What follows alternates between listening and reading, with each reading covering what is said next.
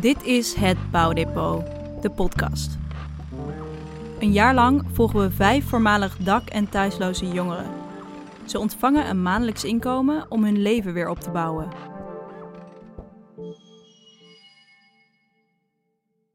Na een korte zomerstop zijn we weer terug. Mijn naam is Hanna van Lutterveld en ik vertel je de verhalen van de jongeren uit het Bouwdepot-traject. De vorige aflevering hoorde je van de jongeren en hun begeleiders hoe het coronavirus impact heeft op hun bouwplannen. Want ik had echt een hele goede stage eigenlijk. Maar precies op dat moment kwam de coronavirus binnenwandelen en toen was het een soort van voorbij. Precies, we hebben gewoon geen keus eigenlijk. We moeten hier maar mee zien te dealen op een of andere manier. Veranderen in een soort reddingsboei in plaats van... Ja, in plaats van een kans. Ja, daar baal ik ook verschrikkelijk van. Ja, dat vind ik ook. Dat is echt jammer. Langzaam komen we gelukkig weer in beweging en kunnen Imene, Shaburni, Kira, Gino en Rami weer verder bouwen aan hun doelen. Het doel wat alle jongeren hoog op hun lijstje hebben staan is om schuldenvrij te zijn. En daar gaan we in deze aflevering wat dieper op in. Schulden aanpakken en deels aflossen. Schuldenvrij zijn. Openstaande rekeningen betalen. Inzicht op mijn schulden krijgen. Mijn schulden aflossen zodat ik schuldvrij zeg maar verder ga. We hebben afgesproken in een park. Het is erg warm en de zon schijnt. We hebben een schaduwplekje kunnen vinden om in het gras te kunnen zitten. Het is voor het eerst dat we weer fysiek kunnen afspreken en hier vertelt Gino ons hoe hij aan zijn schulden gekomen is.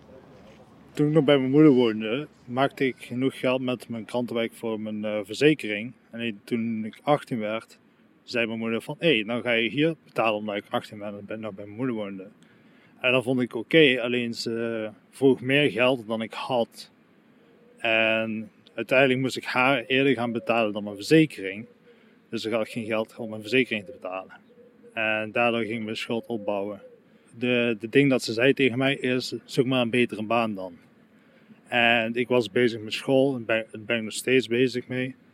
En ik had gewoon geen tijd meer om nog een baan te zoeken. En krantenwerk was perfect voor mij, omdat ik dan om vier uur op kon staan om mijn uh, geld te verdienen. Dan kon ik na mijn uh, direct naar school toe. Elke keer 120 erbij en erbij en erbij. En die ik gewoon niet kon betalen, omdat ik mijn moeders moest gaan betalen. Uiteindelijk zag ik meer dan 1000 euro in de schuld. Als je in de schulden gaat, dan voelt het niet fijn. En vooral als je niet de mogelijkheid hebt om het te betalen, ook al wil je het, dan maakt het alleen maar verslechter voor je. En dan haalt je mentaliteit heel erg omlaag. Kira was pas 19 jaar toen ze haar schulden begon op te bouwen. Na een traumatische ervaring durfde ze niet meer naar buiten te gaan. En ze beschrijft hoe moeilijk deze periode voor haar was. Uh, ik hield eigenlijk niks meer bij. Ik wist niet meer welke dag het was. Ik uh, at bijna niet. Ik uh, was eigenlijk helemaal niet meer bezig met mezelf. Ik was eigenlijk helemaal nergens mee bezig. Ik was continu mee bezig met mezelf verdoven. Dus heel dag was ik aan het blowen. Omdat ik mijn pijn niet wilde voelen. En op een gegeven moment, omdat ik dus ook niet durfde te werken, kwam ik in de problemen. En ik had het zelf niet eens in de gaten. Zo erg was het. Ik had zelf niet in de gaten dat ik gewoon aanmaningen kreeg. Dat ik al schulden aan het opbouwen was. Ik kwam ook niet in mijn brievenbus. Dus uh, op een gegeven moment maakte ik na, uh, ik denk, een paar maanden mijn brievenbus open. En die zat zo vol. Met allemaal brieven. Ik heb ze niet eens gelezen. Ik heb ze niet eens bekeken. Ik heb ze allemaal weggegooid. En ik denk dat ik pas na een jaar dat echt ben gaan bekijken van oh shit. Het is al zo ver. Ik heb echt heel veel gemist. En daarna denk je ook van hoe heb je dat kunnen missen? Hoe heb je dat kunnen doen? Maar echt op dat moment kon ik daar niet bij stilstaan. Omdat ik niet eens bij mezelf stil kon staan. Ik kon mezelf niet eens in de spiegel aankijken. Of fatsoenlijk uh, een gesprek voeren met iemand. Ik kon helemaal niks. Imene is ondertussen weer schuldenvrij. Ze had een periode van weinig vaste lasten. En ze zat toen ook nog in de nachtopvang. Ze had een baan en studiefinanciering en kreeg toen net haar bouwbudget. Toen ik net in de nachtopvang terecht kwam, had ik uh, geen geld. Ik leefde toen allemaal uit de studiefinanciering. En vlak voordat ik het huis uitging, had ik uh, mijn moeder alles gegeven. En toen ben ik zeg maar zonder ene cent naar buiten gegaan. En toen had ik gewoon helemaal geen geld. En toen heb ik een creditcard aangevraagd. Heb ik uh, van alles gedaan. En toen kwam ik 5000 euro in de schulden terecht. En toen ergens in mei was ik weer schuldvrij. Dus dat was wel echt heel fijn.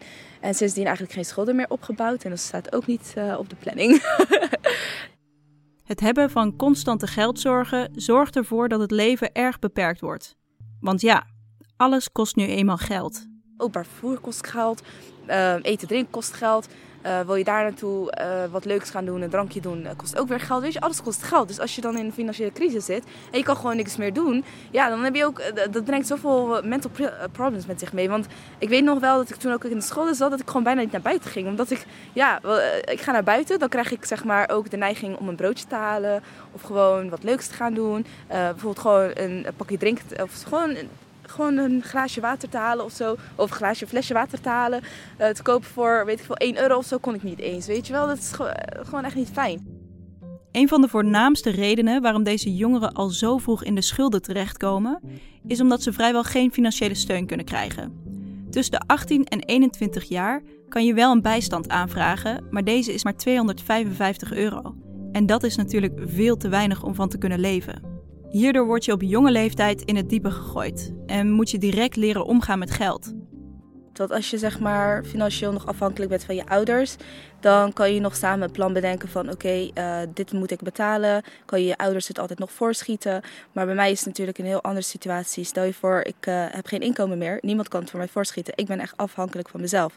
En uh, ja, daarom is dat ook zo lastig als ik dan in financiële probleem terechtkom. Dat ik dan superveel stress krijg van oké, en hoe moet ik dat betalen, hoe moet ik dat betalen, hoe moet ik dat betalen. Want niemand kan het voor mij voorschieten. Ik heb niemand waar ik echt op kan terugvallen als ik zeg maar geen inkomen meer heb. Door het maandelijkse bouwbudget ontstaat er ruimte om schulden af te betalen. En van deze schulden afkomen, dat is erg bevrijdend, vertelt Kira ons. Nou, mijn schulden aanpakken en deels aflossen, daar ben ik dus nou mee bezig. En dat voelt echt zo goed. Dat is zo'n fijn gevoel dat je gewoon weet, oké, ik, ik begin er langzaamaan van af te komen in plaats van steeds er tegenaan hikken en gewoon weten dat het of steeds groter wordt. Het wordt nou alleen maar steeds kleiner en ik krijg steeds meer rust ervan.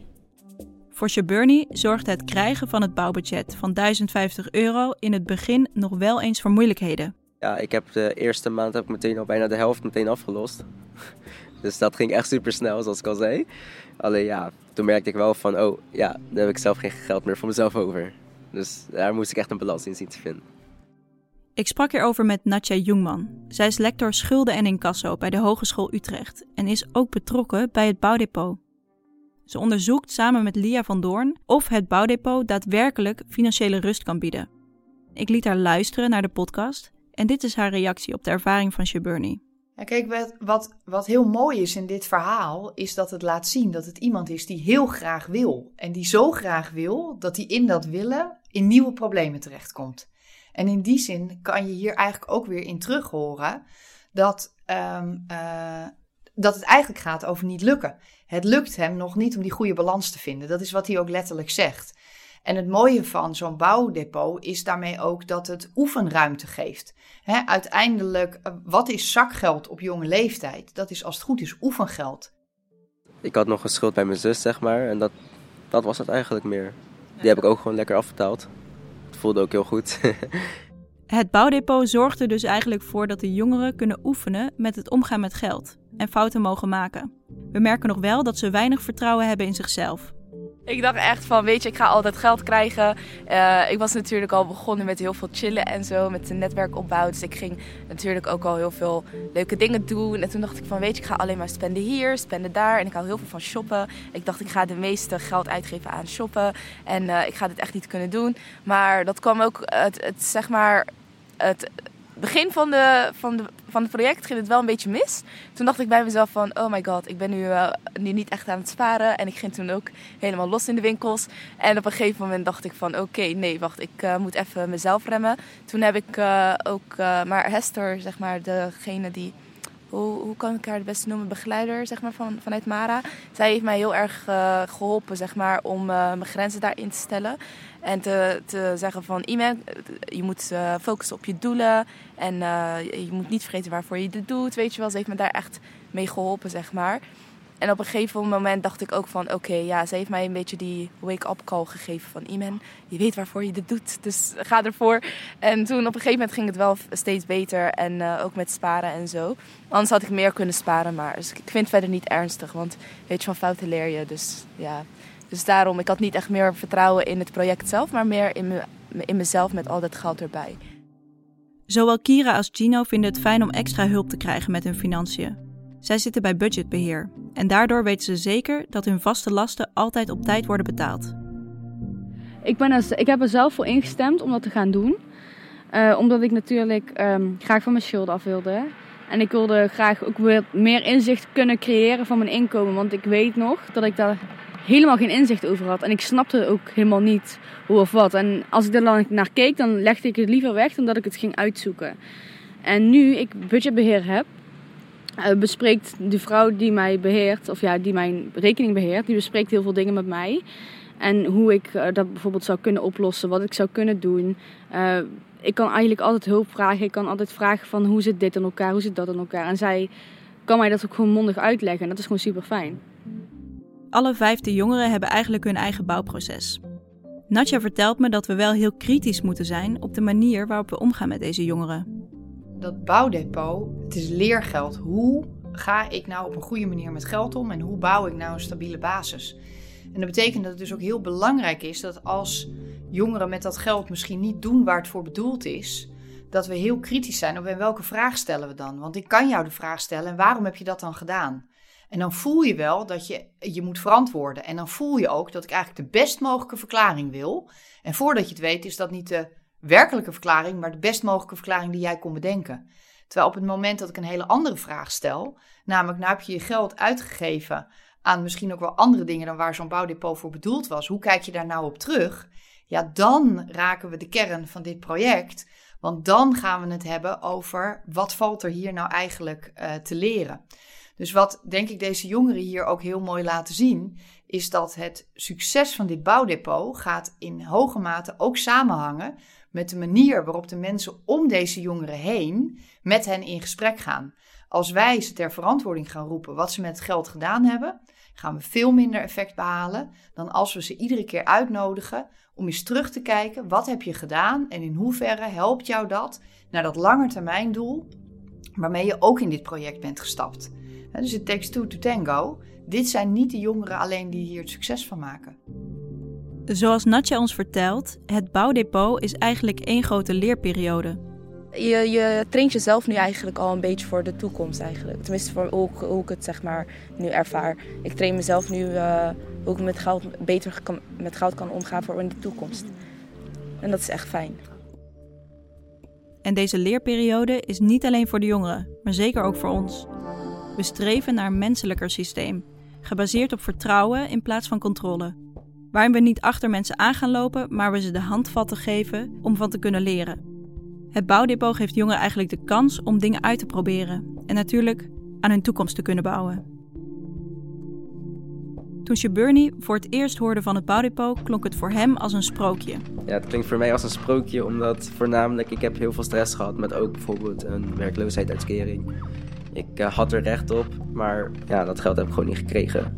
Wat ik hier gewoon merk is van, ik ben vergeleken met een bijstandsuitkering of iets anders, ben ik gewoon vrij om mezelf te ontwikkelen. Ik kan gewoon naar school gaan, dus ik hoef mijn school niet op te geven om een uitkering te hebben. En ik kan gewoon werken aan mijn doelen. Ik kan eindelijk gewoon mijn schulden aflossen en zorgen dat ik gewoon een beter mens word. Volgende keer meer over het systeem van vertrouwen en het bouwbudget. Maar voor nu een hele fijne maand en tot de volgende keer.